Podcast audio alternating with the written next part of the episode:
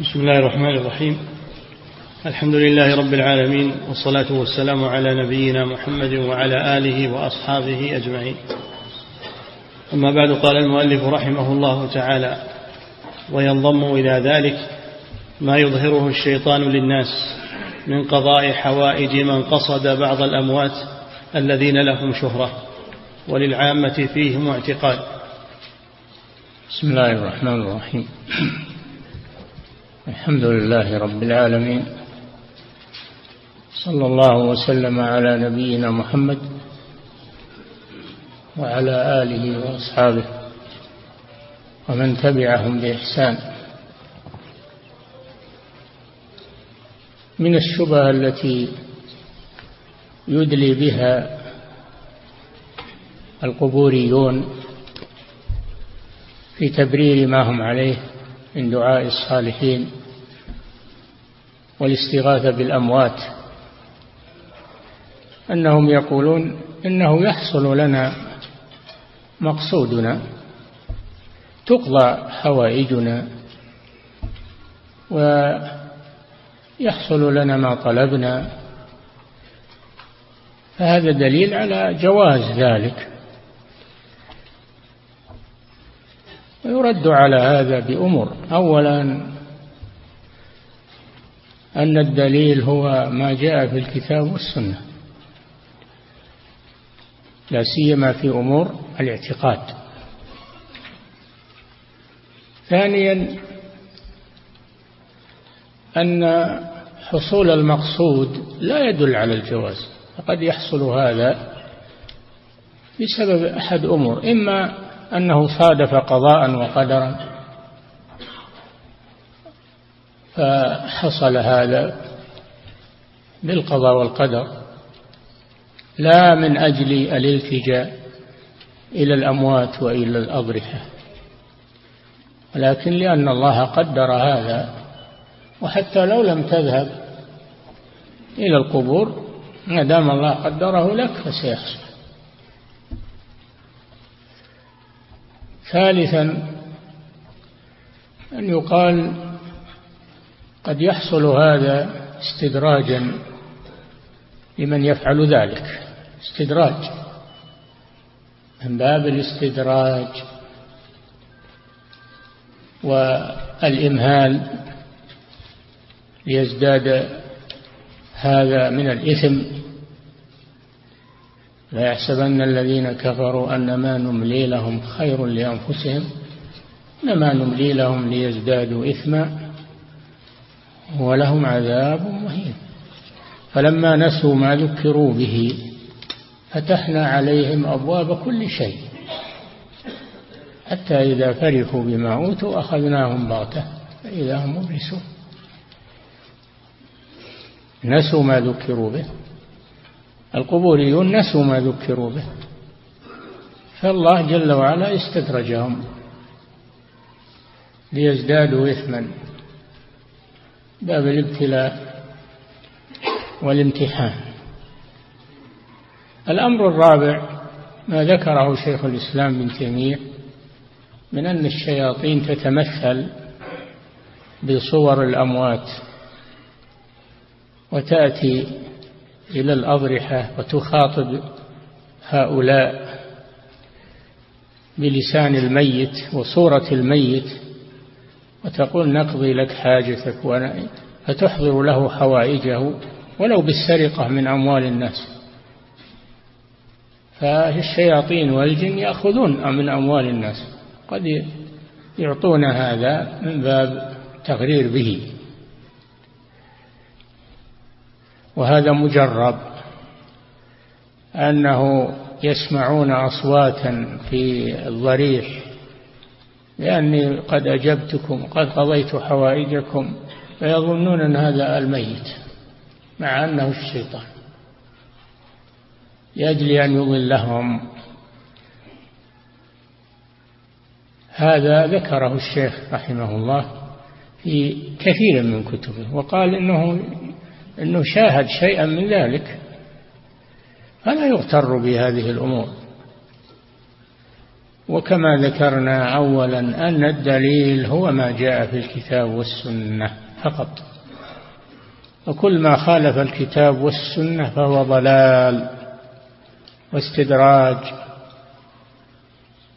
ومن الشياطين لتغر الناس فلا يحتج بحصول المقصود مع مخالفة الدليل من الكتاب والسنة. اللذين يحرمان الاستغاثة بالأموات ودعاء الأموات والغائبين. نعم. وينضم إلى ذلك ما يظهره الشيطان للناس من قضاء حوائج من قصد بعض الأموات. الذين لهم شهرة وللعامة فيهم اعتقاد. وربما يقف جماعة من المحتالين على قبر ويجلبون الناس بأكاذيب يحكونها عن ذلك الميت ليستجلبوا منهم النذور. نعم السدنة على القبور ومن وراءهم ممن ينتفعون من هذه الدخول التي تأتي يكتبون كتابات نشرات يوزعونها على الزائرين. فيها أكاذيب فيها أكاذيب من أن هذا الميت له حالة كذا وفعل كذا ويفعل كذا إلى آخره. يوزعونها على المساكين والمساكين محتاجون يريدون قضاء حوائجهم. بأي وسيلة؟ يصدقونها. وأنه يجب عليكم أن تدفعوا كذا وكذا إن كنتم تريدون قضاء حوائجكم وهكذا لأجل أن يحصلوا على هذا هذه الموارد ويقتسمونها. وربما أن بعض الدول تحميهم أيضا لتأخذ من هذا من هذا من هذا المورد. ربما أن بعض الدول تحميهم. نعم. وربما يقف جماعة من المحتالين على قبر ويجلبون الناس بأكاذيب يحكونها عن ذلك الميت ليستجلبوا منهم النذور ويستدروا منهم الأرزاق ويقتنصوا النحائر ويستخرجوا من عوام الناس ما يعود عليهم وعلى من يعولونه. ويجعلون ذلك مكسبا ومعاشا. نعم حرفتهم كذا يعيشون على الأضرحة والعياذ بالله ويغررون بالمساكين بالقول وبالكتابة. يكتبون كتب ونشرات ويتكلمون ويخطبون عند القبر أنه كذا وأنه كذا. المسكين يصدقهم في هذا ويبذل ماله. ليحصل على ولد يحصل على مال يحصل على مطلوب. نعم. وربما وربما يهولون على الزائر لذلك الميت بتهويلات ويجملون قبره بما يعظم في عين الواصلين إليه. وربما يجملون القبر بالزخارف والستاير والبخور والمصابيح الكهربائية حتى الزائر يتأثر من هذا الضريح الذي عليه هذه الأمور وهذه الزخرفات وهذه البناية وهذه. فيأخذه الإعجاب بهذا المظهر فيقول ما عمل معه كذا إلا أنه شان. فيغتر بهذا. وهذا واقع على الأضرحة يجملونها ويزينونها ويزخرفونها ويعملون لها تهاويل التي تغرر بالعوام والجهلة. نعم. وربما يهولون على الزائر لذلك الميت بتهويلات ويجملون قبره بما يعظم في عين الواصلين إليه ويوقدون في المشهد الشموع ويوقدون فيه الأطياب. الأطياب يعني البخور من أفخر أنواع البخور. نعم. ويجعلون لزيارته مواسم مخصوصة. يجعلون له مواعيد بعد مثل مثل عيادة الطبيب يجعلون له مواعيد أن تجي وقت كذا وأن تجي وقت كذا. هذا من باب الترغيب وأن هذا الشيء ما ينال إلا بترتيب وب نعم. ويجعلون لزيارته مواسم مخصوصة. يتجمع فيها الجمع الجم فيبهر الزائر ويرى ما يملأ عينه وسمعه من ضجيج الخلق وازدحامهم. وتكالبهم على القرب من الميت. فيغتر بشيئين بكثرة الزائرين وضجيجهم وبما يرى من الزخرفات والزينة والأشياء الهائلة. نعم. ويرى ما يملأ عينه وسمعه من ضجيج الخلق وازدحامهم وتكالبهم على القرب من الميت. والتمسح بأحجار قبره وأعواده والاستغاثة به والالتجاء إليه وسؤاله قضاء الحاجات ونجاح الطلبات مع خضوعهم واستكانتهم وتقريبهم إليه نفائس الأموال ونحرهم أصناف النحائر. ولذلك نهى النبي صلى الله عليه وسلم على عن البناء على القبور ولعن من فعله وأخبر أنه فعل اليهود والنصارى وكرر هذا في آخر لحظة من حياته صلى الله عليه وسلم اشفاقا على الأمة أن تفعل ما يفعله اليهود والنصارى من التزيين والتصاوير والأشياء التي تغر الناظر إليها. الرسول حذر من هذا شدد فيه ولعن من فعله وكرر هذا نصيحة للأمة. نعم. فبمجموع هذه الأمور مع تطاول الأزمنة وانقراض القرن بعد القرن يظن الإنسان مبادئ عمره وأوائل أيامه أن ذلك من أعظم القربات وأفضل الطاعات. وهذه شبهة أخرى أنهم يقولون إذا تطاول الزمان على هذا الضريح وزارته الأجيال يستدلون بهذا على أن هذا مشروع وأنه وأن عليه عليه الناس جيلا بعد جيل. وإذا قيل لهم اتبعوا ما أنزل الله قالوا بل نتبع ما وجدنا عليه آباءنا. فما في شك إن تطاول الزمن على الباطل يروجه. ومن هنا يجب على ولاة الأمور أن يحسموا هذا الأمر ولا يتركوه ويتساهلوا في شأنه. عليهم أن يبادروه قبل أن يستمر ويغر الأجيال اللاحقة. نعم. فبمجموع هذه الأمور مع تطاول الأزمنة وانقراض القرن بعد القرن يظن الإنسان مبادئ عمره وأوائل أيامه أن ذلك من أعظم القربات وأفضل الطاعات ثم لا ينفعه ما تعلمه من العلم بعد ذلك بل يذهل عن كل حجة شرعية تدل على أن هذا هو الشرك بعينه.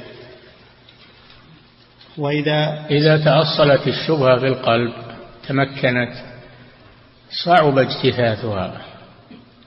ولو تعلم الإنسان ولو صار دكتورا أو صار ما صار في المرتبة ما ينفعه هذا.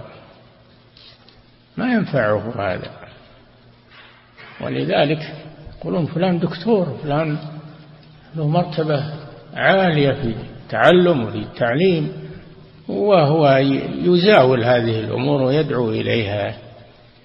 فهذا الذي ضلل الناس لا سيما وأن هؤلاء العلماء الضلال يدرسون الناس يجلسون لهم في المساجد يدرسون يدرسون في الجامعات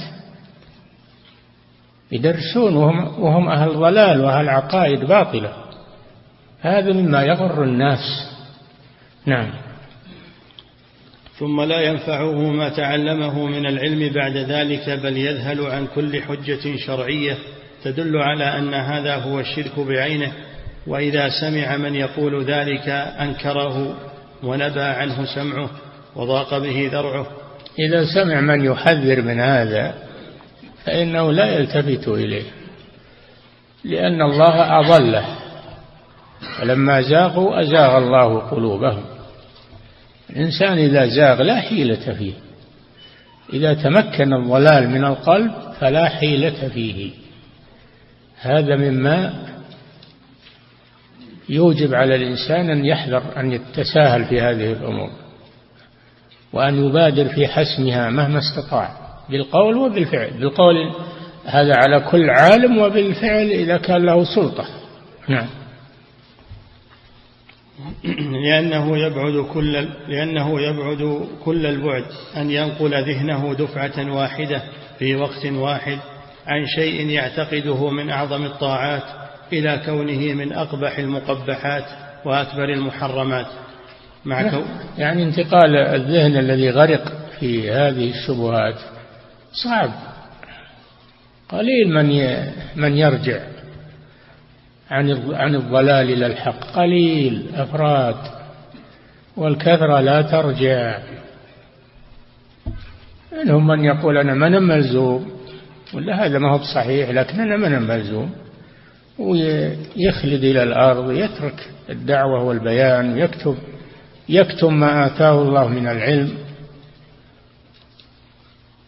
ومنهم من يوافق على هذا يقول هذا صحيح. وهذا عليه الناس واللي ينكرون ذولا خوارج متشددة غلاة إلى آخر ما يقولون. كما تسمعون وتقرؤون الآن. نعم. لأنه يبعد كل البعد أن ينقل ذهنه دفعة واحدة في وقت واحد عن شيء يعتقده من أعظم الطاعات إلى كونه من أقبح المقبحات وأكبر المحرمات. مع كونه قد درج عليه الأسلاف ودب فيه الأخلاف وتعاودته العصور وتناوبته الدهور. نعم هذا مما يؤكد أنه لا يتساهل في الأمر وأنه يجب الحسم وإزالة المنكر ولا يترك يتهاون معه لأن ذلك يمكنه ويغر الناس به. فيجب على ولاة أمور المسلمين وعلماء المسلمين أن يتضافروا في إزالة هذا الأمر. نعم. وهكذا كل شيء يقلد الناس فيه أسلافهم ويحكمون العادات المستمرة. هذا ذكره الله في القرآن. إذا قيل لهم تعالوا إلى ما أنزل الله وإلى الرسول قالوا حسبنا ما وجدنا عليه آباءنا. ولو كان آباؤهم لا يعلمون شيئا ولا يهتدون. ما عليهم ما دام آباءهم عليه ما, ما يتركون ولا يستجيبون. نعم. وبهذه الذريعة الشيطانية والوسيلة الطاغوتية بقي المشرك من الجاهلية على شركه واليهودي على يهوديته والنصراني على نصرانيته والمبتدع على بدعته. أي نعم. لأجل هذا لأجل الإهمال في إزالة هذه المنكرات وعدم التهاون بها بقي الكفار على كفرهم لأن ما فيه دعوة إلى الله. بقي اليهودي على يهوديته. ما فيه مسلم يدعوه إلى الحق. ما فيه دعوة صادقة. بقي النصراني على نصرانيته وتثليثه قوله إن الله ثالث ثلاثة المسيح ابن الله. بقي على ضلاله لعدم وجود الدعوة الصحيحة إلى الله عز وجل. بقي المشرك على شركه لم يتحول عنه. وهكذا. نعم. وبهذه الذريعة الشيطانية والوسيلة الطاغوتية بقي المشرك من الجاهلية على شركه واليهودي على يهوديته والنصراني على نصرانيته والمبتدع على على بدعته. وصار المعروف منكرا والمنكر معروفا. وتبدلت الأمة بكثير من المسائل الشرعية غيرها.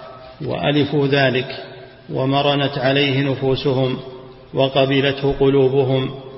إذا لم ينكر المنكر ويزال صار معروفا. صار معروفا. وإذا لم تنشر السنة وتبين للناس صارت هي المنكر. يعود المعروف منكرا والمنكر معروفا. والبدعة سنة والسنة بدعة.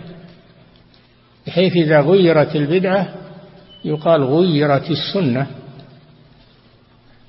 لأنهم ألفوها وعاشوها وتوارثوها فاندرجت وصعب مقاومتها بعد ذلك. فإذا تعطل الجهاد في سبيل الله تعطلت الدعوة أولا تعطلت الدعوة إلى الله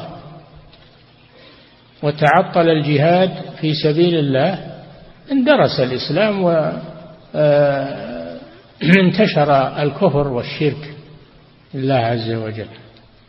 نعم.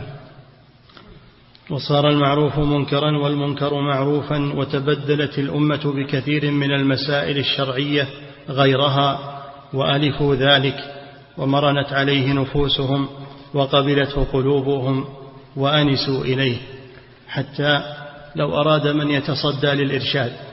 أن يحملهم على المسائل الشرعية البيضاء النقية التي تبدلوا بها غيرها لنفروا, لنفروا عن ذلك ولم تقبله طبائعهم. نعم هذا واضح. هذا أمر واضح. نتيجة الإهمال ورقاد أهل الحق وغفلتهم وتمكن أهل الضلال. كل هذا سبب ما الواقع الذي يعيشه العالم الإسلامي اليوم من الجهل والخطأ و وبقي أهل الشرك وأهل الكفر وأهل البدع على بدعهم. ما ما في أحد يغيرها ما في أحد ينكرها ما في أحد يبينها. نعم. حتى لو أراد من يتصدى حتى الآن فيه من يقول مسألة مسألة العمل بالشرع هذا في وقته انتهى الآن ما يصلح لها الزمان. يقولون ما يصلح لها الزمان ولا ينطبق على الزمان. في من يقول هذا ويكتب الآن. تحكيم الشريعة ما يصلح هذا لها الزمان ما يصلح إلا القانون الوضعي. ما يصلح الكلام هذا وهكذا يقولون. تمكنوا دعاة الضلال الآن. تمكنوا وإن جفل دعاة الحق. فصار من يدعو إلى الحق غريبا بين الناس. نعم. حتى لو أراد من يتصدى للإرشاد أن يحملهم على المسائل الشرعية البيضاء النقية التي تبدلوا بها غيرها لنفروا عن ذلك ولم تقبله طبائعهم. ونالوا ذلك. نفروا ونفروا أيضا. نفروا عنه ونفروا غيرهم. عنه. وصار غريبا بينهم أو مطاردا. نعم. ونالوا ذلك المرشد بكل مكروه ومزقوا عرضه بكل لسان. وهذا كثير موجود في كل فرقة من الفرق. لا ينكره إلا من هو منهم في غفلة. نعم. يعني تتطاول الألسنة والأقلام والمقالات على دعاة الحق. ويصير يصير دعاة الحق هم المجرمين ودعاة الباطل هم أهل الصواب وأهل الإصلاح يسمونها الإصلاح. وإذا قيل لهم لا تفسدوا في الأرض قالوا إنما نحن مصلحون ألا إنهم هم المفسدون. الإصلاح عندهم هو إزالة الحق وتقرير الباطل هذا هو الإصلاح عندهم. نعم. وانظر إن كنت ممن يعتبر ما ابتليت به هذه الأمة من التقليدات للأموات في دين الله حتى صارت كل طائفة تعمل في جميع مسائل الدين بقول عالم من علماء المسلمين ولا تقبل قول غيره ولا ترضى به. وليتها وقفت عند عدم القبول والرضا. نعم. ظهر التعصب. ظهر أيضا التعصب للأقوال بدون معرفة دليلها. إلا بس أنه قاله فلان. ما دام قاله فلان خلاص. ولا ينظر إلى دليله. ما دليل فلان على كذا؟ هذا يقولون لا. ما علينا. ما دام قالوا فلان فنحن على قوله وعلى مذهبه. ما دام إنه يطابق هواهم ولا لو ما يطابق هواهم ضربوا به عرض الحائط وله قول فلان. لكن اللي يوافق هواهم ورغبتهم هذا قاله فلان العالم الفلاني. عنده إنه معصوم. وإذا خالف هواهم قالوا له ما هذا ما يفهم ولا يعرف. ولا عنده فقه للواقع. ما عنده فقه للواقع. فاللي ما يوافق هواهم يتركونه واللي يوافق هواهم يأخذونه. نعم. وانظر إن كنت ممن يعتبر ما ابتليت به هذه الأمة من التقليدات للأموات في دين الله حتى صارت كل طائفة تعمل في جميع مسائل أما أما أخذ بقول العالم الذي على دليل هذا حق. الحق يقبل ممن جاء به. نحن لا نعيب على أخذ أقوال العلماء مطلقا. نقول ما كان عليه دليل فعلى الرأس والعين وما ليس عليه دليل فلا نقبله. ولهذا يقول أبو حنيفة رحمه الله أقدم الأئمة الأربعة يقول إذا جاء الحديث عن رسول الله فعلى الرأس والعين وإذا جاء الحديث عن صحابة رسول الله فعلى الرأس والعين. وإذا جاء الحديث عن تابعين فنحن رجال وهم رجال لأنه عاصر التابعين هو عاصر التابعين. فيقول انهم هم يؤخذ بقولهم إذا وافق الدليل ويترك ما خالف الدليل ونحن يؤخذ بقولنا إذا خالف وافق الدليل ويترك ما خالف الدليل منا ومنهم. هذا كلمة حق. والإمام مالك رحمه الله يقول كلنا راد ومردود عليه إلا صاحب هذا القبر يعني رسول الله صلى الله عليه وسلم لأنه يدرس في مسجد الرسول صلى الله عليه وسلم. الإمام الشافعي رحمه الله يقول إذا خالف قولي قول رسول الله فاضربوا بقولي عرض الحائط وخذوا بقول رسول الله صلى الله عليه وسلم. ويقول إذا صح الحديث فهو مذهبي. الإمام أحمد يقول عجبت لقوم عرفوا الإسناد وصحته يذهبون إلى رأي سفيان. والله تعالى يقول فليحذر الذين يخالفون عن أمره أن تصيبهم فتنة أو يصيبهم عذاب أليم. يخالفون عن أمره أمر من؟ الرسول صلى الله عليه وسلم. إلى رأي فلان أو رأي فلان. فلا اعتبار لما خالف قول الرسول. ولو صدر ممن قال لو كان من أكبر العلماء. هو معذور في اجتهاده. هو معذور ومأجور في اجتهاده. وهو لا يرضى أن نقلده. بل يأمرنا أن نأخذ بالدليل كما سمعتم. نعم. حتى صارت كل طائفة تعمل في جميع مسائل الدين بقول عالم من علماء المسلمين ولا تقبل قول غيره ولا ترضى به وليتها وقفت عند عدم القبول والرضا لكنها تجاوزت ذلك إلى الحق على سائر علماء المسلمين والوضع من شأنهم وتضليلهم وتبديعهم والتنفير عنهم ثم تجاوزوا ذلك. يقولون ما نقبل إلا قول فلان. وإذا قيل لهم اتبعوا ما أنزل الله قالوا بل نتبع ما أنزل علينا. اليهود إذا قيل لهم اتبعوا ما أنزل الله ما أنزل الله على محمد صلى الله عليه وسلم. قالوا بل نتبع ما أنزل علينا. هذا تعصب هذا. طيب ما أنزل عليكم هذا حق في وقته. لكن نسخ جاءت شريعة الرسول محمد صلى الله عليه وسلم. العمل بالناسخ.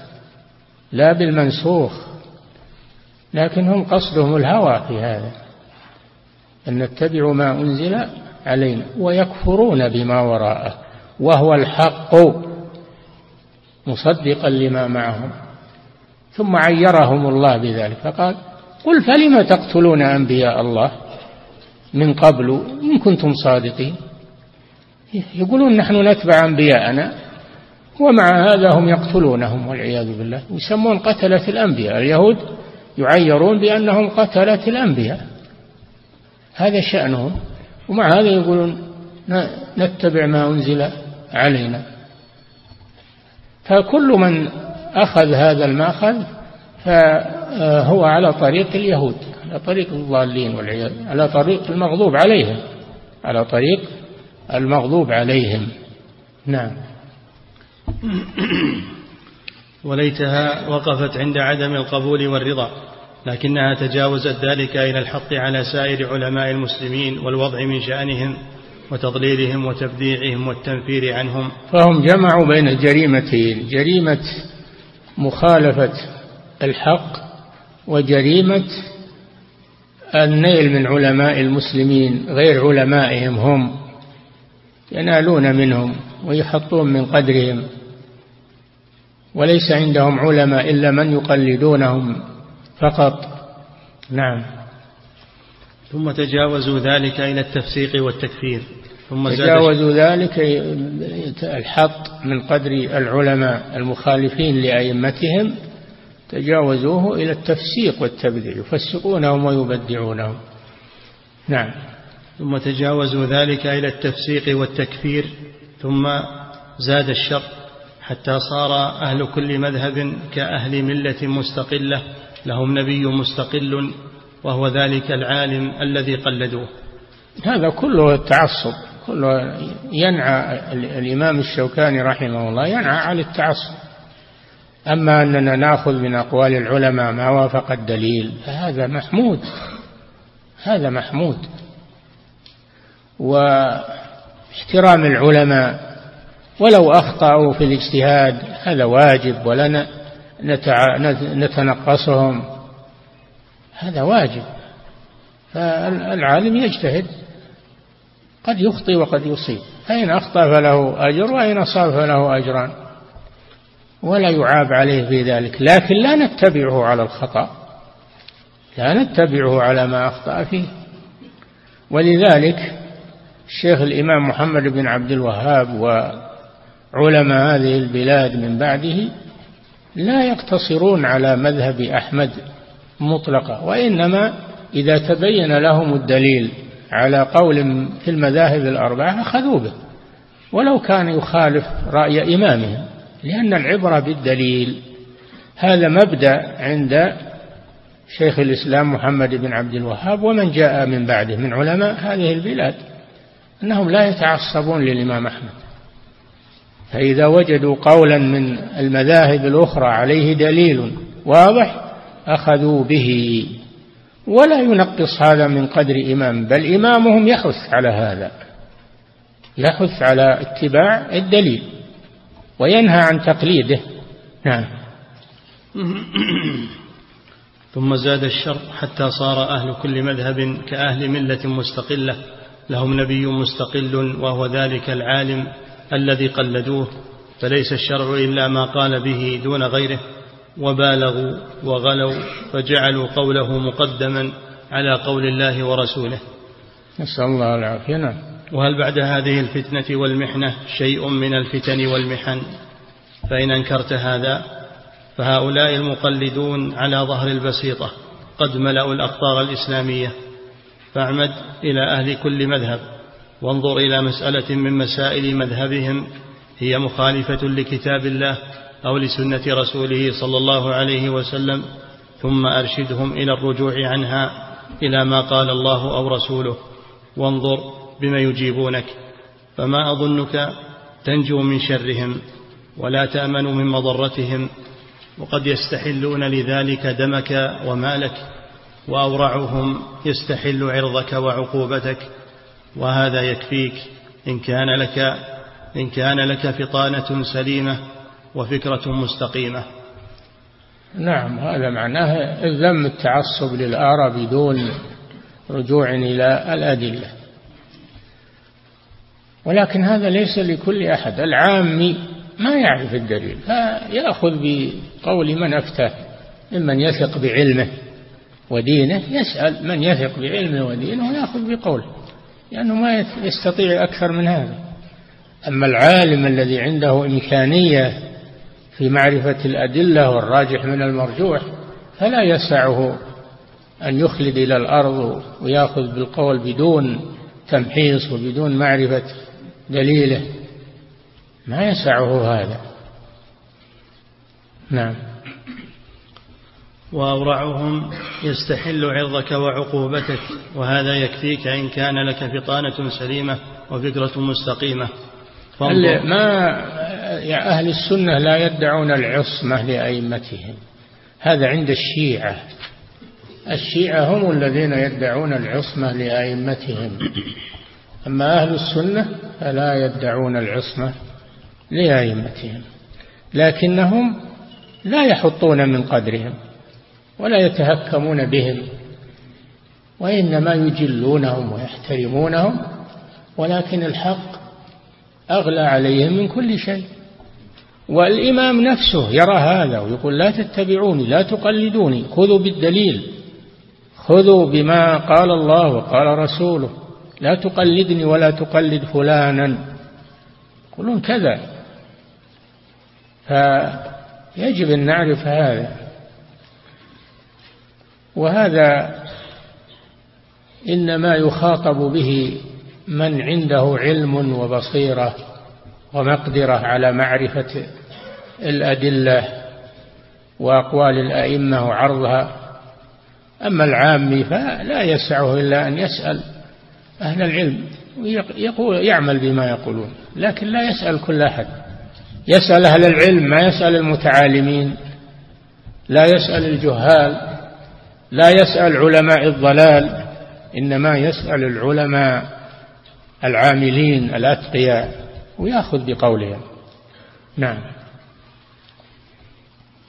فانظر كيف خصوا بعض علماء المسلمين واقتدوا بهم في مسائل الدين ورفضوا الباقين بل جاوزوا هذا إلى أن الإجماع ينعقد بأربعة من علماء هذه الأمة وأن الحجة قائمة بهم.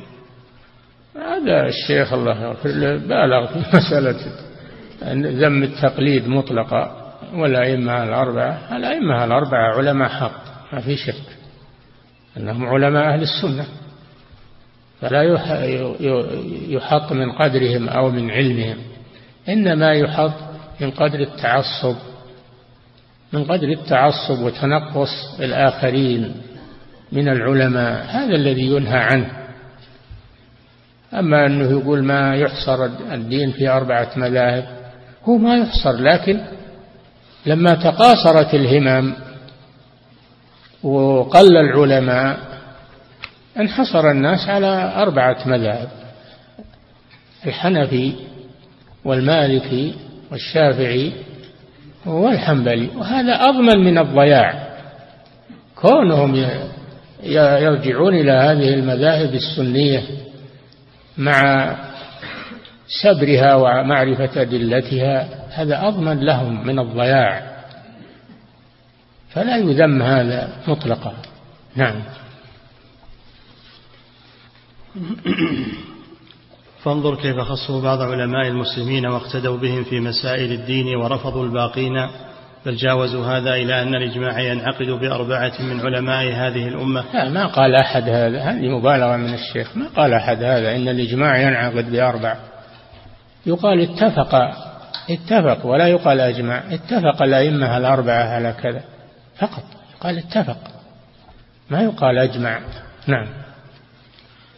وأن الحجة قائمة بهم مع أن في مع أن في عصر كل واحد منهم من هو أكثر علما منه فضلا عن العصر المتقدم على عصره والعصر المتأخر عن هذا عصره. هذا لمن عنده اطلاع على أقوال العلماء وإحاطة بها أنه ما يقتصر على الأئمة الأربعة لكن من ليس عنده اطلاع ولا إحاطة فكونه يكون داخل الأئمة الأربعة أحسن من كونه يضيع. لأن يعني ما عنده إمكانية هو يتمكن بها ما عنده إمكانية. فلا غنى له عن الانضمام إلى أحد المذاهب الأربعة لكن من غير تعصب. نعم. وهذا يعرفه كل من يعرف أحوال الناس ثم تجاوزوا في ذلك إلى أنه لا اجتهاد لغيرهم بل هو مقصور عليهم. ما قال هذا أحد. هذا ما قاله أحد يعتد به أن الاجتهاد مقصور على أئمة الأربعة. ما قال هذا أحد. نعم. وإن قدر أن أحدا قال فلا اعتبار بقوله ولا يحمل العلماء كلهم هذا القول. نعم. فكأن هذه الشريعة كانت لهم ولا حظ لغيرهم فيها ولم يتفضل الله على عباده بما تفضل عليهم. كل عاقل يعلم أن هذه المزايا التي جعلوها لهؤلاء الأئمة رحمهم الله تعالى إن كانت باعتبار كثرة إن كانت باعتبار كثرة عملهم وزيا إن كانت باعتبار كثرة علمهم وزيادته على علم غيرهم فهذا مدفوع عند كل من له اطلاع على أحوالهم وأحوال غيرهم. فإن في أتباع كل واحد منهم من هو أعلم منه. لا ينكر هذا إلا مكابر أو جاهل. ينكر نعم. لا. لا ينكر. لا ينكر هذا إلا مكابر أو جاهل فكيف بمن لم يكن من أتباعهم من المعاصرين لهم والمتقدمين عليهم والمتأخرين عنهم؟ وإن كانت تلك المزايا بكثرة الورع والعبادة فالأمر كما تقدم فإن في معاصريهم والمتقدمين عليهم والمتأخرين عنهم. آه، الشيخ رحمه الله يخاطب العلماء يخاطب العلماء بهذا الكلام. ما يخاطب به كل أحد وأن كل أحد حر طليق يذهب إلى حيث شاء وهو جاهل لا هو ما يقصد هذا أبدا يقصد العلماء المتمكنين الذين عندهم تمكن من معرفة الحق بدليله لا يقتصر على الأئمة الأربعة أما الإنسان العاجز والإنسان فلا بد له من التقليد لا بد له من التقليد لكن التقليد المنضبط. الذي ليس فيه تعصب. نعم. فإن في معاصريهم والمتقدمين عليهم والمتأخرين عنهم من هو أكثر عبادة وورعا منهم لا ينكر هذا الأمر. هذا لا يشك فيها أحد لكن ليس معنى هذا التزهيد في المذاهب الأربعة. ليس معنى هذا التزهيد في المذاهب الأربعة. نعم. لا ينكر هذا الأمر إلا من لم يعرف تراجم الناس في كتب التواريخ. إيه لكن أين هم؟ اللي يتحدث عنهم الشيخ أين هم؟ في المقابر. ما بقي إلا ناس عجزة ناس فقراء ناس جهال. ما يسعهم إلا أن يقلدوا أهل العلم الموثوقين من أي مذهب من المذاهب الأربعة لكن من غير تعصب. نعم. وإن كانت تلك المزايا بتقدم عصورهم فالصحابة رضي الله عنهم والتابعون أقدم منهم عصرا بلا خلاف وهم أحق بهذه المزايا ممن بعدهم لحديث خير القرون قرني ثم الذين يلونهم ثم الذين يلونهم. الأحوال تتغير وتتبدل والله جل وعلا يقول فاتقوا الله ما استطعتم. فالتقليد ليس ممنوعا مطلقا ولا جائز ولا جائزا مطلقا. فالإنصاف والعدل بهذا. تخاطب ناس جهال وتقول لهم اخرجوا على المذاهب الأربعة لا تقيدون بها. في علماء كثير وفي طيب ضيعهم أنت في الكلام هذا. أما أنك تخاطب علماء متمكنين نعم. نعم. وإن كانت تلك المزايا لأمر عقلي فما هو أو لأمر شرعي فأين هو؟ ولا ننكر أن الله قد جعلهم بمحل من العلم والورع. ولا ننكر الآن بدأ يعترف. نعم. ولا ننكر أن الله سبحانه قد جعلهم بمحل من العلم والورع وصلابة الدين. وأنهم من أهل السبق في الفضائل والفواضل. ولكن الشأن في المتعصب لهم من أتباعهم القائلين إنه لا يجوز تقليد غيرهم. ولا يعتد لا صح اللي يقول كذا هذا مخطئ ما في شك. نعم. ولكن فالآن آه، يعني وضع الضابط رحمه الله وضع لنا الضابط. نعم. ولكن الشأن في المتعصب لهم من أتباعهم القائلين إنه لا يجوز تقليد غيرهم ولا يعتد بخلافه إن خالف ولا يجوز لأحد من علماء المسلمين أن يخرج عن تقليدهم. وإن كان عارفا بكتاب الله وسنة رسوله. لا ما يقول هذا أحد من أهل العلم إنما يقول جهال أو متعالمون أو نعم. وإن كان عارفا بكتاب الله وسنة رسوله قادرا على العمل بما فيهما متمكنا من استخراج المسائل الشرعية منهما فلم يكن مقصودنا إلا التعجب لمن كان. انتبهوا انتبهوا الكلام الشيخ الأخير هذا هذا جيد نعم. فلم يكن مقصودنا إلا التعجب لمن كان له عقل صحيح وفكر رجيح نهون الأمر عليه فيما نحن بصدده من الكلام. يهون يهون. الأمر. فلم يكن مقصودنا إلا التعجب لمن كان له عقل صحيح وفكر رجيح يهون الأمر عليه فيما نحن بصدده من الكلام على ما يفعله المعتقدون للأموات وأنه آه الآن يعني رجع إلى أصل المسألة. يعني هو استطرد من تقليد عباد القبور لأتباعهم لمتبوعيهم استطرد إلى الفقهاء رحمهم الله وهذا حق أنه ما يجوز التعصب للفقيه حيث لا يؤخذ إلا قوله وأنه لا يخطئ. ما هو صحيح هذا؟ يخطئ. يخطئ ولا يتعصب له ونحن متعبدون باتباع الدليل. هذا شيء مبدأ معروف عند أهل السنة والجماعة. فهو استطرد ثم رجع إلى الأصل وهو أن عباد القبور يحتجون بما عليه أسلافهم. وما آه، يقوله فلان أو علان من شيوخ الطرق الصوفية أو من سدنة الأضرحة. نعم.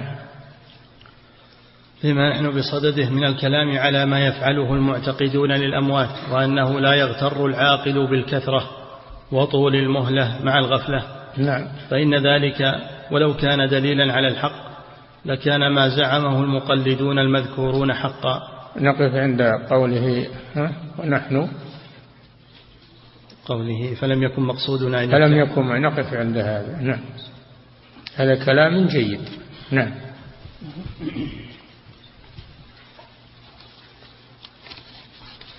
فضيلة الشيخ وفقكم الله. يقول حفظكم الله. ذكرتم أنه يسأل أهل العلم المعتبرين. يسأل أهل العلم المعتبرون الربانيون لا علماء الضلال. كيف يعرف هؤلاء من هؤلاء؟ يعرفهم الناس الناس يعرفونهم. ويظهر علمهم علمهم يظهر على كلامهم وعلى مؤلفاتهم وعلى يظهر هذا. نعم. فضيلة الشيخ وفقكم. ويعرف أيضا من يعرف من درسوا عليه من تخرجوا على يده. يعرف هذا أصول هذا له أصول. نعم. يقول وهل مجرد الشهرة والظهور دليل على أنه عالم رباني؟ لا نقول لازم أولا أن يعرف عمن أخذ العلم وإن تعلم منهم مشايخه. ثم نعرف سلوكه بعد ذلك. هل هو متبع لأهل الحق منضبط أو أن عنده نزعات وعنده أفكار؟ لا بد نعرف هذا. نعم. فضيلة الشيخ وفقكم الله هل يقال بأن الحق مقصور في المذاهب الأربعة بمعنى أنه لا يجوز الخروج عنها؟ ما قال هذا أحد. إن الحق مقصور على المذاهب الأربعة ما قاله أحد. أبدا. لكن اضطروا إلى الانضواء تحت المذاهب الأربعة لما قل العلم وقل العلماء. أين يذهبون لا بد من الانضواء تحت المذاهب الأربعة لكن من غير تعصب. نعم. فضيلة الشيخ وفقكم الله يقول سمعت من فضيلتكم في الدرس أنكم تقولون أبو حنيفة رحمه الله تترحمون عليه. رحمة واسعة رحمه الله رحمة واسعة وغفر له هو إمامنا وقدوتنا يرضى من يرضى ويغضب من يغضب. نعم. فضيلة الشيخ وفقكم الله يقول أنا من بلد في أوروبا فهل تجب علي الهجرة؟ مع العلم أنني أظهر الصيام والصلاة والأذان. إذا قدرت على الهجرة هاجر إذا قدرت. وإذا لم تقدر فأنت معذور مع التمسك بدينك ولكن ليس إظهار الدين. هو أنك تصوم وتصلي وت... ولا يقولون لك شيء. ما هو هذا إظهار الدين. إظهار الدين أن تدعو إلى الله تدعو إلى التوحيد وإلى عبادة الله وإلى دين الإسلام. هذا إظهار الدين. نعم. فضيلة الشيخ وفقكم الله. يقول هل يوجد ضابط في جواز التوسل بالنبي صلى الله عليه وسلم في حال موته؟ نعم. هل يوجد ضابط في جواز التوسل بالنبي صلى الله عليه وسلم بعد موته من الأدعية. توسل باتباعه ومحبته صلى الله عليه وسلم لأن هذا عمل صالح. اتباعه هذا عمل صالح. ومحبته هذا عمل صالح تتوسل به. أما ذات الرسول ذات الرسول فلا يجوز التوسل بها. نعم. ولا بجاهه. نعم. فضيلة الشيخ وفقكم الله يقول الحاكم الذي يدافع عن عبادة الأضرحة والقبور ويحميها ويمنع من التعرض لها فماذا يكون الحكم في ذلك وحكمه؟ تعلمون حكم هذا تعلمون حكم من يدافع عن الشرك أنه أنه مشرك وأنه مرتد إذا كان يدعي الإسلام. نعم. فضيلة الشيخ وفقكم الله من دعا إلى عبادة قبور الصالحين واحتال على الناس لكسب الأرزاق وهو يعلم أن هذا شرك ولكنه ولا يعتقد أن أصحاب القبور ينفعون أو يضرون لكن لمجرد الكسب. هذا آثر الدنيا على الآخرة والعياذ بالله. آثر الدنيا على الآخرة. الرزق بيد الله ما هو عند القبور. إذا كان صادقا في آمانه يطلب الرزق من الله لا بسدنة سدانة القبور وحمايتها. نعم. لأن هذا من إعانتهم على الباطل وتغرير الناس بهذه القبور. هذه دعوة مبطنة إلى عبادة القبور. نسأل الله العافية. نعم. فضيلة الشيخ وفقكم الله التحذير من علماء الضلال وأصحاب الفكر الضال وأهل الأهواء هل يعتبر من قبيل الغيبة والنميمة؟ وما الضابط في ذلك؟ إيش؟ يقول التحذير من علماء إذا كان عندك علم وبصيرة من الكتاب والسنة وعندك معرفة بالخطأ والصواب والضلال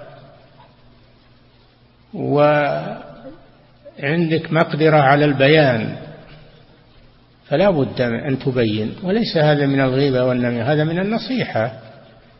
لكن انك تقعد وتجرح الناس تجرح الناس وتنقصهم وفلان ما في خير وفلان هذا ما يجوز ولا يأتي بخير هذا. هذا يزيد الشر شرا. هذا ما يكون إلا من أهل العلم والبصيرة وأهل آه، الطريقة الصحيحة في الإنكار والرد ما يكون لكل أحد.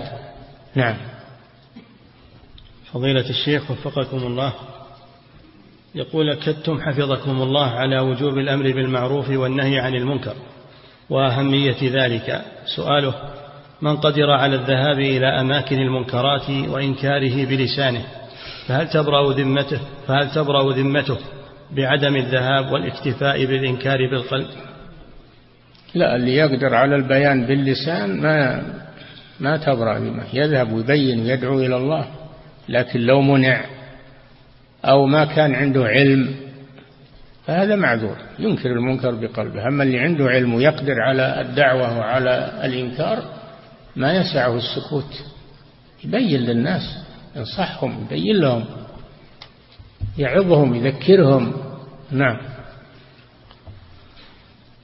فضيلة الشيخ وفقكم الله يقول بعض الطلبة يأتون من بلاد الكفر ويطلبون العلم الشرعي ثم لا يريدون أن يرجعوا إلى بلادهم لأجل الدعوة فما توجيهكم لهؤلاء؟ إذا كانوا يقدرون على الإقامة والانتقال هذه هجرة هاجروا. هذا طيب. نعم. فضيلة الشيخ وفقكم الله يقول أنصح الذين يصورون بالآلة الفوتوغرافية فيردون علي بقولهم إن المسألة خلافية. سؤاله ما ضابط النصح في هذه المسائل الخلافية؟ نقول نحن ما ما تعبدنا بالخلاف تعبدنا بالدليل. فالمخالف إذا كان عنده دليل صحيح فعلى الرأس والعين. أما إذا كان ما عنده دليل فلا عبرة بخلافه نعم. هذه قاعدة في كل الأمور ما هو في التصوير فقط. نعم.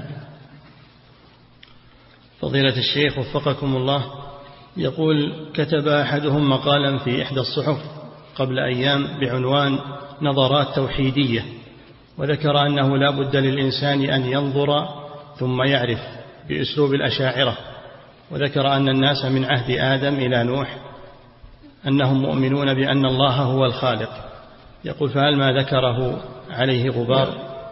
أي عليه غبار كثير بعد عجاج. الناس من عهد نوح من عهد آدم إلى عهد نوح على الإيمان على التوحيد على دين أبيهم آدم عليه السلام. ما هو بتوحيد الربوبية فقط. على الإيمان وتوحيد الألوهية. وليس توحيد من قال أنهم على توحيد الربوبية فقط؟ من قال هذا؟ ما حدث الشرك إلا في قوم نوح. وأما قبل فهم على التوحيد. هذه ناحية الناحية الثانية إيش؟ يقول ذكر أن أنه لا بد للإنسان أن ينظر ثم يعرف. لا. نعم ينظر في الأدلة يعني ويتعلم نعم. أما إن كان القصد قول علماء الكلام أن الإنسان ينظر قبل أن يعتقد هذا باطل.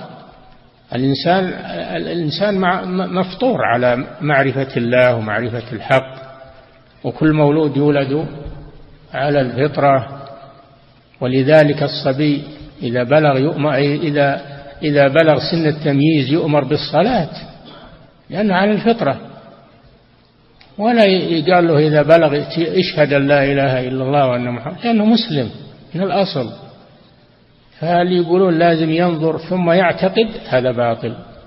لأن الناس على الفطرة إلا من تغيرت فطرته. هذا قول علماء الكلام. نعم. لأنهم يقولون أول ما يجب على العبد النظر. ثم الاعتقاد. والشرع يقول أول ما يجب على العبد أن يشهد أن لا إله إلا الله وأن محمد رسول الله ويصلي ويصوم لأنه عنده معرفة من قبل الفطرة. نعم.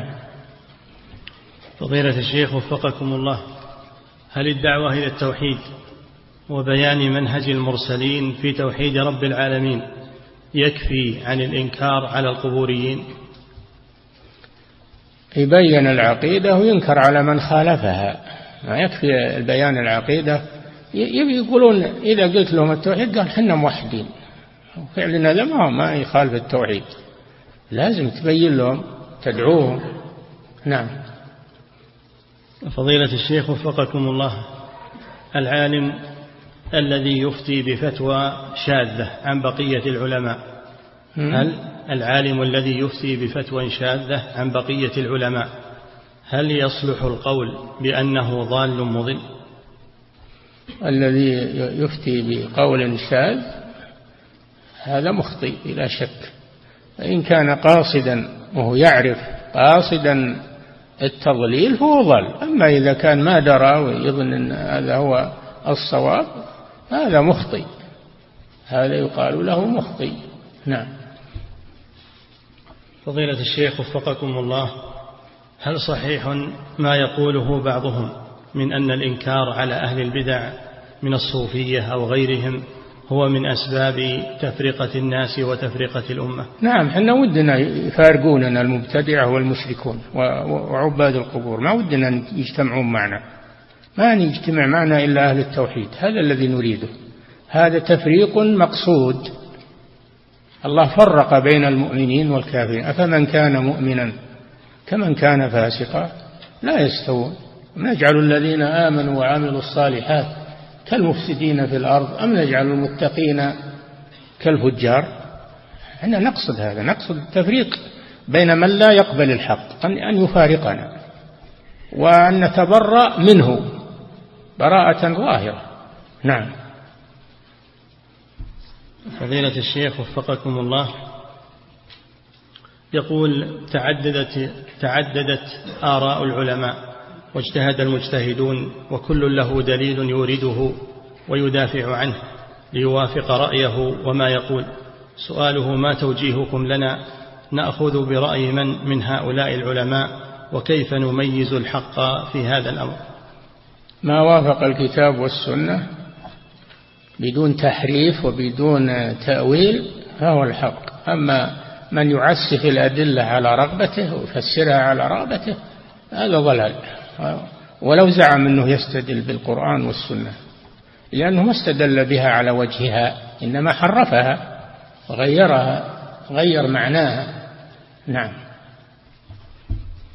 فضيلة الشيخ وفقكم الله يقول هل يعذر بالإكراه على هل يعذر على الكفر من أكره على شيء في أي حال؟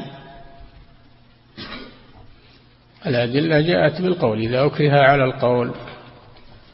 أما الفعل فهذا محتاج إلى نظر لأنه ما جاء الإكراه إلا على القول أنه يقول بما يكرهونه عليه تخلصا منهم وهو على عقيدته مثل ما حصل لسلمان. آه، مثل ما حصل لعمار بن ياسر رضي الله عنه حينما أجبروه على أن يسب محمدا صلى الله عليه وسلم فسبه لأجل يتخلص منهم ثم ندم وجاء إلى الرسول صلى الله عليه وسلم. قال يا رسول الله إنهم لم يطلقوني حتى قلت فيك. قال ما تجد قلبك؟ قال مطمئن بالإيمان. قال إن عادوا فعد. ثم أنزل الله تعالى من كفر بالله من بعد إيمانه إلا من أكره وقلبه مطمئن بالإيمان. ولكن من شرح بالكفر صدرا فعليهم غضب من الله ولهم عذاب عظيم. ذلك بأنهم استحبوا الكفر على الإيمان. هذا واضح. نعم. فضيلة الشيخ وفقكم الله هل يوجد من العلماء من يجهل التوحيد؟ كثير يا أخي كثير من العلماء يجهلون التوحيد. متبحرين في اللغة وفي الفقه وفي وقد يكون متبحرون في الحديث أيضا ولكن العقيدة ما درسوها إلا على مذهب الأشاعرة أو على مذهب من لا ينكرون عبادة القبور. نعم. فضيلة الشيخ وفقكم الله يقول ما هو مفهوم إقامة الحجة؟ قامة الحجة بلاغ النص مع فهمه مع فهمه إذا كان ممن يفهم أو ترجمته له إذا كان لا يفهم بلغته. نعم. فضيلة الشيخ وفقكم الله يقول ما حكم الدعاء بهذا وهو يا غيرة الله أو يا غيرة الله؟ ما أعرف هذا. نعم. ما تدعى. الصفة ما تدعى. الله يغار له غيره لكن ما يدعى. تدعى الصفة يدعى الله جل وعلا. ويتوسل إليه بالصفة. آه، نعم. فضيلة الشيخ وفقكم الله يقول إذا صليت على جنائز في المسجد وعند حضوري إلى المقبرة حضرت جنائز ولا أدري هل هي من الجنائز التي قد صليت على يقول إذا صليت على جنائز في المسجد وعند حضوري إلى المقبرة أحضرت جنائز ولا أدري هل هي من الجنائز التي سبق أن صليت عليها أم لا. صل عليها حتى لو كررت الصلاة على الميت خير له لأن الدعاء من صالحه ومن صالحك أنت أيضا. صل عليها. نعم. فضيلة الشيخ وفقكم الله هل هناك فرق بين الجهل والضلال؟ نعم. هل هناك فرق بين الجهل اللي ما يعرف الحق هذا يجهل. أما الضلال اللي يعرف الحق ويتركه أو يعبد الله على غير علم مثل النصارى ومثل الصوفية يزهدون بالعلم. نعم. فضيلة الشيخ وفقكم الله يقول هل يستدل بما ورد عن أنجشه على جواز إلقاء القصائد في المسجد علما بأن هذا الأمر قد بدأ ينتهي أنجش ما ألقى بالمسجد أصلحك الله. أنجش يحدو الإبل في السفر في الطريق. الذي أنشد في المسجد هو حسان بن ثابت. أنشده في المسجد. فيه انتصار للدعوة وانتصار للرسول صلى الله عليه وسلم ورد على المشركين. وهذا من الجهاد في سبيل الله في المسجد وغيره. نعم. فضيلة الشيخ وفقكم الله هذه امرأة تقول أنا فتاة من الجزائر ويريد أبي أن يزوجني شخصا يعيش في فرنسا وهو مسلم. سؤالها هل يجوز لي أن أطيع أبي في الزواج من هذا والسكن في فرنسا وترك الجزائر؟ الله تخلصين أنت وأباك أقنعيه ولا يعني بيني له. وليس له أن يجبرك على ما لا ترغبين ولا ترضين. نعم هذه قاعدة. نعم. فضيلة الشيخ وفقكم الله يقول بعض طلبة العلم يقول إن قراءة سورة الإخلاص بعد كل صلاة يعد من البدع ويعارض بذلك فتوى لسماحة الشيخ ابن هذا هو المبتدع. اللي يقول الكلام ذا هو المبتدع. يعني اللي ما يعرفه ينكره يقول بدعة. ما يجوز هذا. هو راجع فتوى الشيخ وراجع مستنده وراجع. ولا بس من فكره كذا. هذا كثير ما يصدر من بعض المتعالمين. نعم والمتسرعين. نعم. الشيخ إمام جليل ورع. ولا يقول إلا ما يتيقن أنه على دليل. نعم. فضيلة الشيخ وفقكم الله يقول في حديث الرسول صلى الله عليه وسلم ما أسفل الكعبين من الإزار ففي النار. هل يدخل في هذا السراويل والبنطال؟ ما أسفل الكعبين ما هذا عام البنطال الإزار البشت كله كله في النار. نعم. فضيلة الشيخ وفقكم الله ما القول الصحيح أو الراجح في إهداء القرب للأموات على إطلاقه أو على ما ورد فيه الدليل فقط. على إطلاقه لا أما ما ورد فيه الدليل فنعم. يتبع ما ورد فيه الدليل فقط. نعم. فضيلة الشيخ وفقكم الله يقول ما حكم أخذ العلم ممن عنده بعض البدع؟ ما في هذان اليوم؟ أو جامعين. ها؟ بقي نص دقيقة. أي يلا. هذا وجاء إنه ينود. نعم. فضيلة الشيخ وفقكم الله يقول ما حكم أخذ العلم ممن عنده بعض البدع في الفعل والعمل وليس في باب العقيدة؟ هل يجوز الدراسة على يديه؟ يا أخي العلماء ولله الحمد متوفرون وما أحوجك الله إلى مبتدع تأخذ عنه العلم. لا تجوز مجالسة المبتدع. كيف بأخذ العلم عنه؟ نعم. فضيلة الشيخ وفقكم الله يقول شخص نذر ألا يدخن وألا يشتري الدخان وفي مرة أعطى قريبا له مبلغا وقال اشتر لي بهذا المال بطاقة شحن واشترى هذا القريب الذي أعطي اشترى بهذا المبلغ علبة دخان.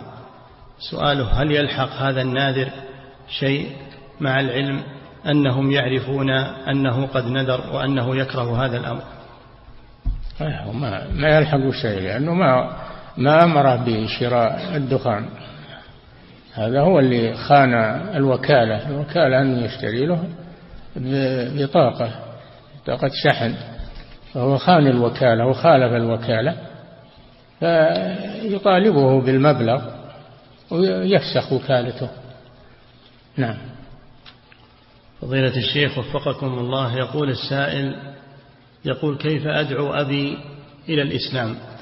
لأنه لا يقبل نصيحة أو دعوة أي واحد منا. خذه بالرفق والحكمة والموعظة الحسنة شيئا فشيئا. لعل الله أن يهديه. لا تيأس من هدايته. نعم. حاول معه ما استطعت. نعم.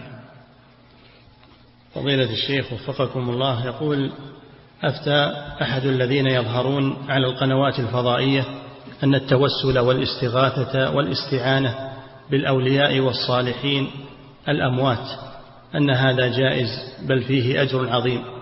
سؤاله هذا منهم هذا منهم من من عبدة القبور. اللي يجيز هذه الأمور هذا منهم. لا تستغرب أنه يظهر في القناة منهم أحد من دعاة القبورية. لا لا تستغرب هذا. ما يقول هذا إنسان عالم يخاف الله ويتقيه؟ نعم. فضيلة الشيخ وفقكم الله. يقول رجل أصيب بجرح في أصبع رجله. فلف عليه الشاش وطيلة ثلاثة أيام كان يتوضأ ويصلي بدون أن يمسح أو يغسل هذا الأصبع جهلا منه فهل عليه شيء؟ نعم عليه يعيد الصلوات لأن جزء من من العضو لم لم يصبه الماء ولا المسح. نعم فمعناه أنه يعيد الوضوء ويعيد الصلاة. نعم الرسول صلى الله عليه وسلم رأى رجلا في قدمه لمعة قدر الدرهم فأمره أن يعيد. نعم. فضيلة الشيخ وفقكم الله هذه امرأة تقول أنا امرأة أو أنا أم لأربعة أطفال أكبرهم طفلة في السادسة من العمر. هل يجوز لي الذهاب مع السائق داخل البلد برفقة أطفالي؟ ما تزول الخلوة إلا بمن هو بالغ. الرجل أو امرأة أما الأطفال ما تزول بهم الخلوة. نعم. فضيلة الشيخ وفقكم الله يقول متى تبدأ مدة المسح على الجوارب؟ تبدأ من الحدث بعد اللبس. إذا انتقض وضوءك الذي لبست عليه الجوارب انتقض وضوءك بدأ مدة المسح من حدث بعد لبس. نعم. فضيلة الشيخ وفقكم الله يقول هل كل مرض لم يتمكن الأطباء من اكتشافه يعد سحرا أو عينا أو حسدا؟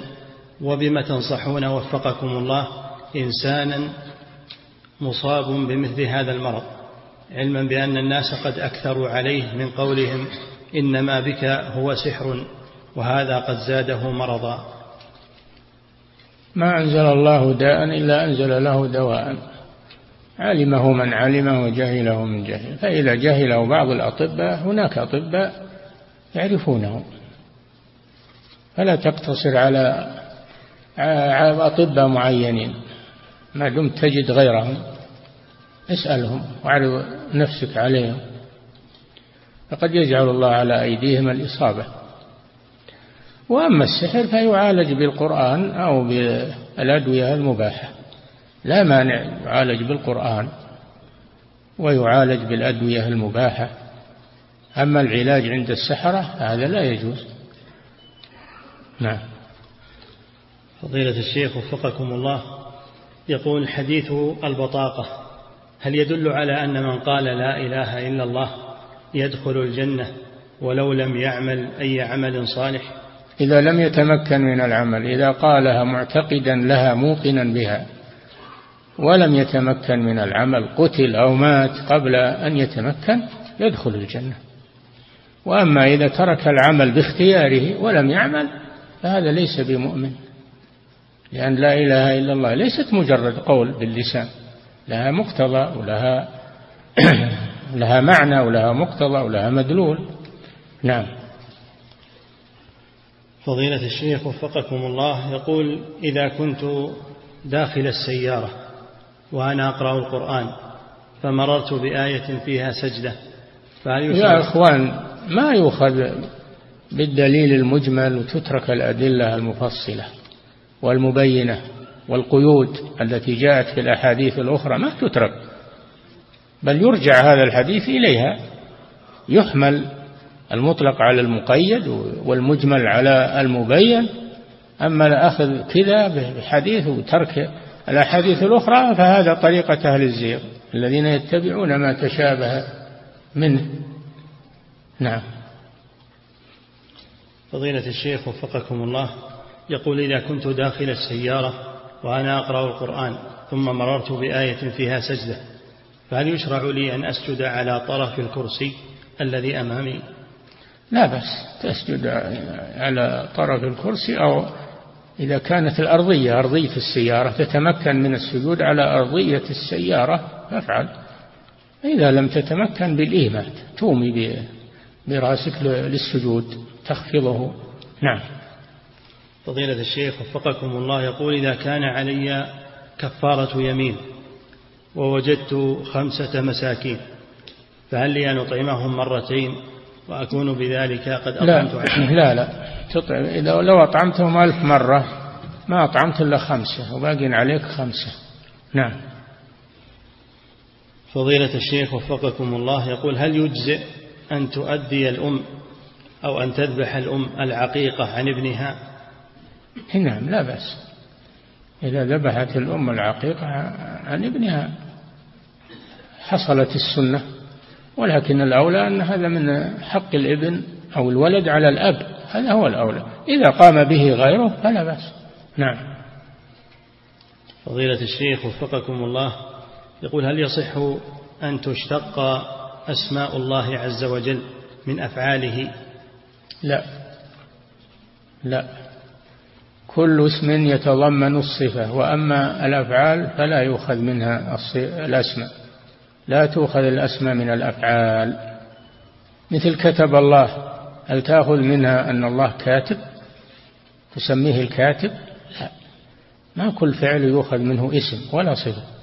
نعم. فضيلة الشيخ وفقكم الله.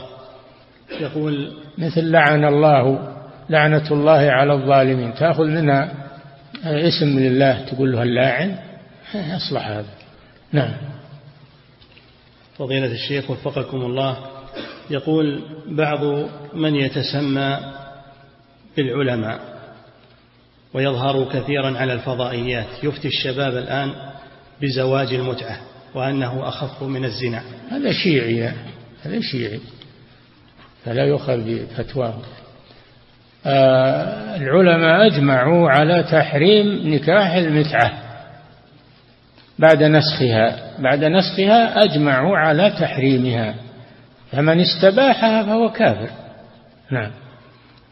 فضيلة الشيخ وفقكم الله يقول كيف يغتسل من ظن أنه قد أصاب أخاه بالعين؟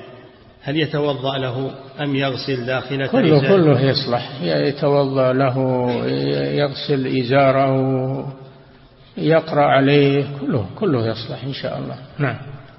ويقول حفظك الله وهل يشرب منه هذا المعيون أم يغتسل أم ماذا يصنع؟ اللي ورد أنه يغتسل به. نعم. أما القراءة إذا قرأ له بماء يشرب. نعم لا بأس هذه رقية نعم. فضيلة الشيخ وفقكم الله يقول كثر في الآونة الأخيرة المؤولون للرؤى والأحلام وأصبحت تعج بهم القنوات الفضائية. يدورون قروش لولا يدورون قروش. الآن صارت حرف هذه المسائل تعيش من ورائها ويرتزق من ورائها. فلا يتابعون ولا ينظر إليهم. نعم. فضيلة الشيخ وفقكم الله. يقول ذكرتم حفظكم الله في درس ماضي. قلتم إنه لا يجوز السؤال بوجه الله الدنيا. سؤاله ماذا لو سألت الله بنور وجهه؟ أمرا من أمور الدنيا والآخرة. إذا سألت الله أمرا من أمور الدنيا والآخرة لا بأس إنما الاقتصار على الدنيا فقط هو الذي لا يجوز. نعم. فضيلة الشيخ وفقكم الله يقول ما حكم قول من يقول أدركه الله بعنايته أو أدركته العناية الإلهية؟ تداركه الله بعنايته لا بأس أما أدركته العناية لا. نعم. فضيلة الشيخ وفقكم الله يقول إذا كان ترك الصلاة المفروضة عمدا يعد كفرا فكيف لصاحب هذا الفعل أن يتوب من هذا الكفر؟ يقوم بالصلاة يتوب إلى الله ويقوم بالصلاة في المستقبل حافظ على الصلاة في المستقبل. نعم. فضيلة الشيخ وفقكم الله من يأتي بقنوت النوازل قبل أن يركع فهل فعله مشروع؟